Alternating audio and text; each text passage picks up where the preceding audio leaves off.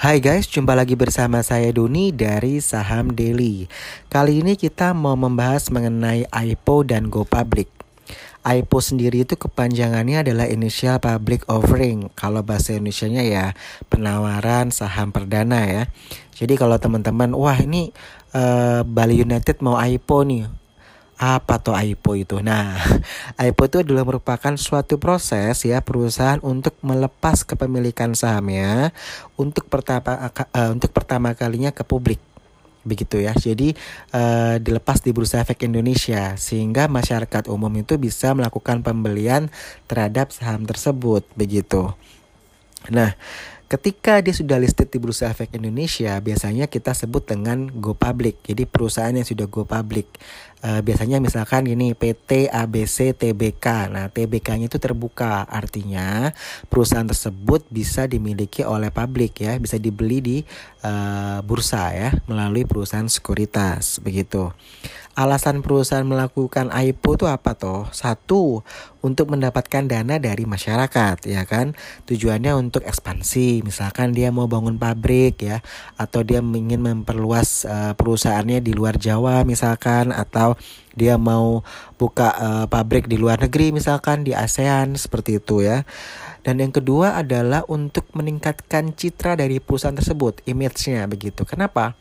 Karena ketika dia TBK ya, tentu uh, dia melakukan public expose ya, public expose terhadap satu misalkan rencana perusahaan, tantangan perusahaan, strategi perusahaan, target perusahaan, misalkan uh, perusahaan A target penjualan tahun ini naik 20%. Nah, itu kan dia harus komunikasikan dengan media massa ya.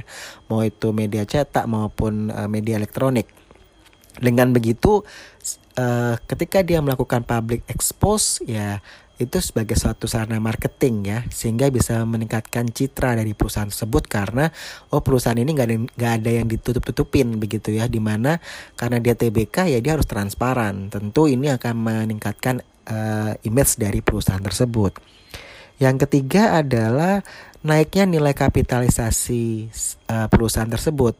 Hal ini berkaitan dengan kinerja perusahaan tersebut ya apabila perusahaan tersebut kinerjanya bagus ya selalu bertumbuh uh, kita bilang revenue-nya naik lalu laba bersihnya naik lalu uh, cash flow operasionalnya juga bagus ya kan dengan dengan tingkat hutang yang wajar tentu uh, pasar akan uh, merespon dengan uh, naiknya harga ya naiknya harga saham tersebut karena kita melihat bahwa oh ini kinerja perusahaan ini selalu bertumbuh begitu. Sehingga kalau kita bilang sebagai investor ya tentu akan membidik atau akan membeli saham-saham yang dengan uh, fundamental yang baik dengan kinerja yang baik.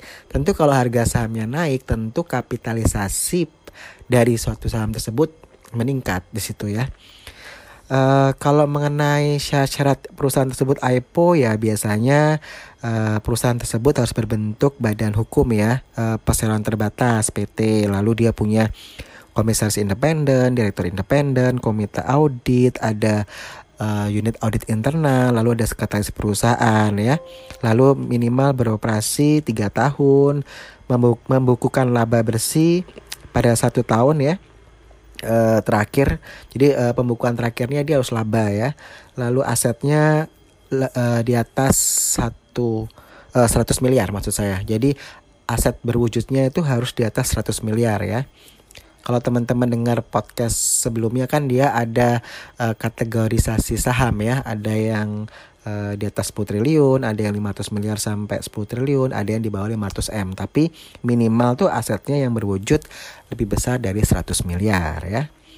Lalu uh, yang kelima bahwa perusahaan tersebut uh, ada laporan keuangan audit ya.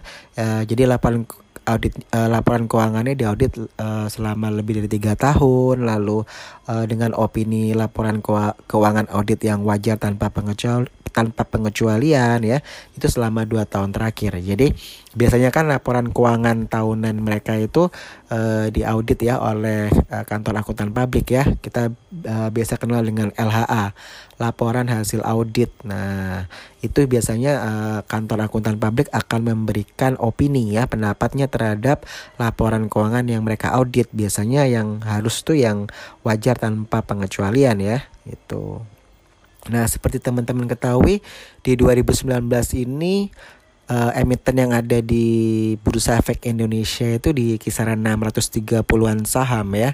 Tentu bukan hal yang uh, mudah bagi teman-teman untuk melakukan screening saham ya.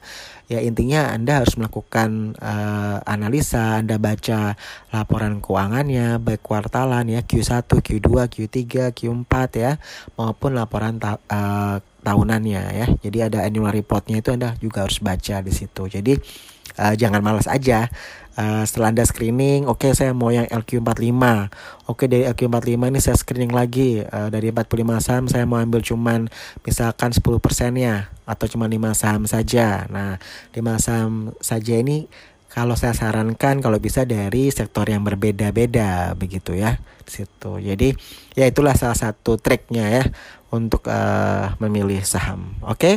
saya Doni dari Saham Daily out. The podcast you just heard was made using Anchor. Ever thought about making your own podcast? Anchor makes it really easy for anyone to get started. It's a one stop shop for recording, hosting, and distributing podcasts. Best of all, it's 100% free. Sign up now at anchor.fm slash new. That's anchor.fm slash new to get started.